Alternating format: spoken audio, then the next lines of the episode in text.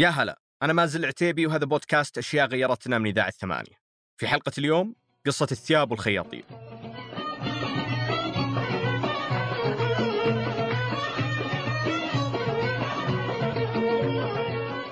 بدايات صناعة الثياب زيها زي أي شيء الحين كانت تستورد من الصين. لكن الإشكالية اللي كانت فيها أنها ما كانت تجي بمقاسات مناسبة للكل. غالبا تجي واسعة شوي. فمع الوقت صارت فكرة التفصيل حل طبيعي لهالمشكلة. الخياطين خياطين الثياب طبعا كان أغلبهم من العمال اليمن الأشقاء اليمنيين. طبعا حديث الجميع في المدن في القرى. ذا أول كانت تخيط الثياب في المنزل يعني الأم تخيط للبنات أو أحيانا تخيط حتى برضه وتخيط للأبناء. هذا أول قبل. لكن إحنا لما نتكلم عن الموضوع المدني والدخول بداية دخول الناس المدنية كان معظم الخياطين آه، من الأشقاء اليمنيين.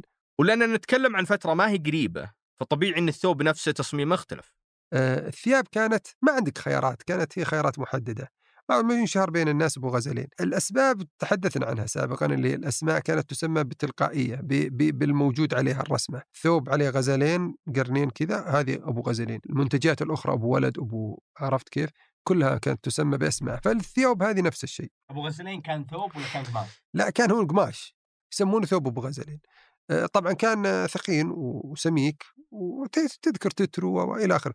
فكان سميك معظم الناس تلبسه. الثوب هذا طبعا بحكم إنه سميك كان الناس يلبسوا الفنيله اللي تسمى العلاقي.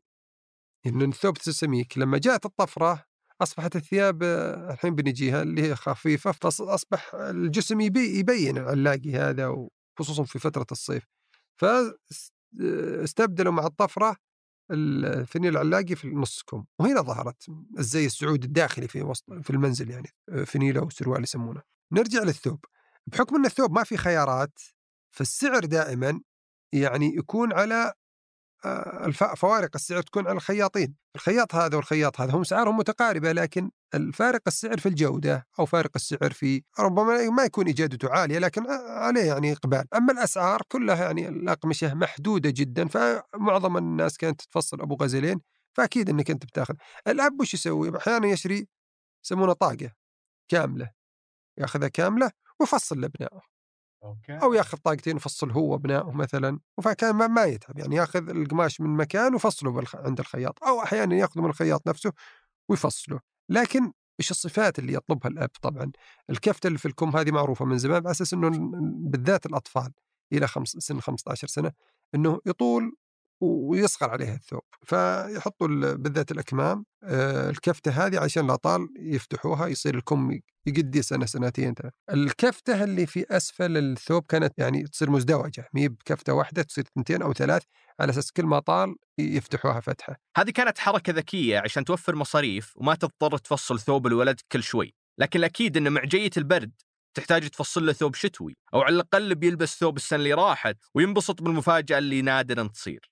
الثوب دائما مثلا فصل الشباب الأطفال للشتاء هذا يجي الشتاء العام القادم طبعا يفصل ثياب أحيانا ما يفصل ثوب يلبس ثوب العام القادم وعاد خذ اللزمة هذه اللي يدور في الثوب يلقى ريال من السنة اللي فاتت فيفرح فيه. واحدة من الأشياء اللي تغيرت وما صارت موجودة حاليا هي الطريقة اللي كان يسلم فيها الخياط الثوب للعميل. في الفترة هذه اللي هي خلينا نقول لك الستينات السبعينات بداية الثمانينات كنت لما تخيط في الخياطين العاديين خل الخياطين النخب الاقتصادية لا الخياطين العاديين كان يعطيك الثوب بعد ما يخلصوا مخيط لك يعطيك إياه في قرطاس كيس من قرطاس مصفط كأنك آخذ وجبة مطبق. تأخذه كذا بقرطاس وتأخذه خصوصا يعني مشهورين خياطين البلد بجدة وخياطين البطحة في الرياض وخياط. فمتى أصبحت الناقلة هذه؟ في آخر الثمانينات يعني خلينا نقول في 89 90 بدأ الخياطين انتشرت يعني يمكن لها امتداد قبل لكن انتشرت في 89 بالضبط. بدأ الخياط يعطيك ملابسك مكوية ومغسولة يعني جديدة ومكوية وت... وجاهزة تأخذها بالمعلق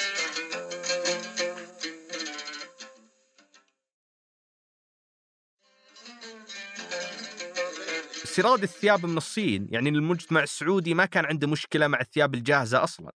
لكن كان الأغلب يفضلون التفصيل. بس في الثمانينات ظهرت شركات كبيرة تروج للثياب الجاهزة وتحاول تسوقها للمجتمع وهالشيء لقى قبول كبير.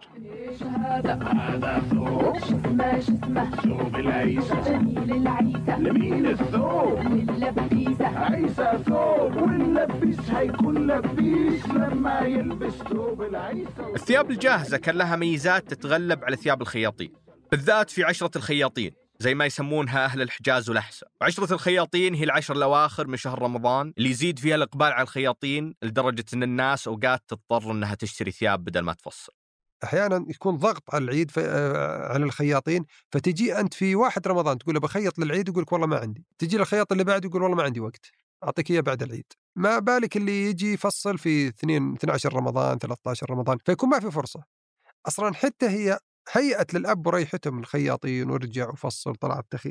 التفصيل طلع يأخذ أبنائه ويأخذ لهم آه، ملابس جاهزة وعلى قدهم يأخذ لهم كم واحدة وبنفس الشيء حتى بالسعر أقل بكثير يعني. ناهيك إلى ان السعر أقل هي حقيقة يستهدف فيها الأطفال أكثر لأن الأطفال ينمون وبنفس الشيء مدارس الشباب لا يحبوا يظهر وكانوا يرون إنه عيب إنه الكبير يعني يلبس ينظر إنها مثلا يتقال ثمنها وذا هذا بعدين لكن أول ما ظهرت حتى الشباب كانوا يلبسونها لأنها جديدة بغض النظر عن ثمنها لكنه بعدين لا حسوا إنه والله ما يأخذها إلا واحد مضطر وزي كذا ولكنها هي أثبتت يعني آه، سوقها في مع الأطفال فلكنها انتشرت بشكل كبير في الأعياد وقرب العام الدراسي. فوضى الخياطين في العيد ما كانت بس عند الرجال.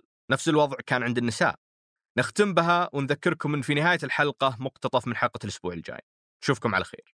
آه، بالنسبة للنساء الوضع آخر لأنه تعرف ألوان وت- وتطريز وشغل دقيق يعني أكثر. لذلك النساء يعني حجزن قبل العيد بفترة طويلة. وغير هذا صحيح أن الخياطين في فترة الثمانينات لا سيما في فترة الثمانينات الخياطين كانوا كثير لكن في آخر الثمانينات طلعت مشاغل مراكز. يعني مركز خياطة كامل. آه. اللي هي أغلى من الخياط العادي. إي أغلى وفي الغالب يكون النساء يعني عماله يعني تايلاندية أو فلبينية وذا وخيطوا وتجي تشوف المرأة تشوف ملابسها وتحدد أكثر من إنه الخياط يكون رجل. خصوصا إنه الأخطاء فيها واردة أكثر من خطأ ال- الثياب الرجالية. فيكون من بدري. ولكن برضو النساء عندهم الملابس الجاهزة. الأزياء. لذلك مثلا من في الرياض كان شارع المتنبي كان في جدة تذكر يوم لما فتح جمجوم فكانت ال- ال- الأقمشة والملابس الجاهزة موجودة يعني حتى عند النساء. تأخذ فستان جاهز وخلاص يلبق عليها وتاخذه هي في المناسبات أو في الاعياد لكن برضه يظل الخيار الأفضل هو حليمة خيطي ثوب المشهور هذه الحلقة من بحث وإعداد الرائع منصور العساف أنتجها أيمن الحمادي هندسها صوتيا وحررها عبد الله المالكي ساهم في بحثها أحمد الحافي فرغها على الموقع شذا محمد صمم غلافها لينا عامر وأشرف على إنتاجها فايز المطيري سحر سليمان وعشرة الخياطين ثمود بن محفوظ.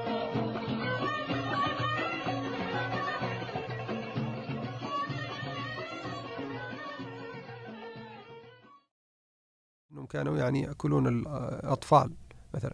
هم يأكلون الله يعزكم الكلاب فهذا ثبت يعني ما في ما في هذا ثبت وشوهد.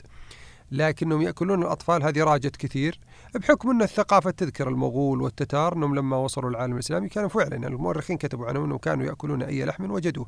ذكرها ابن كثير وابن الأثير أسهب فيها. آه، وذكرها المقدسي. يعني أغلب المؤرخين تحدثوا عنها.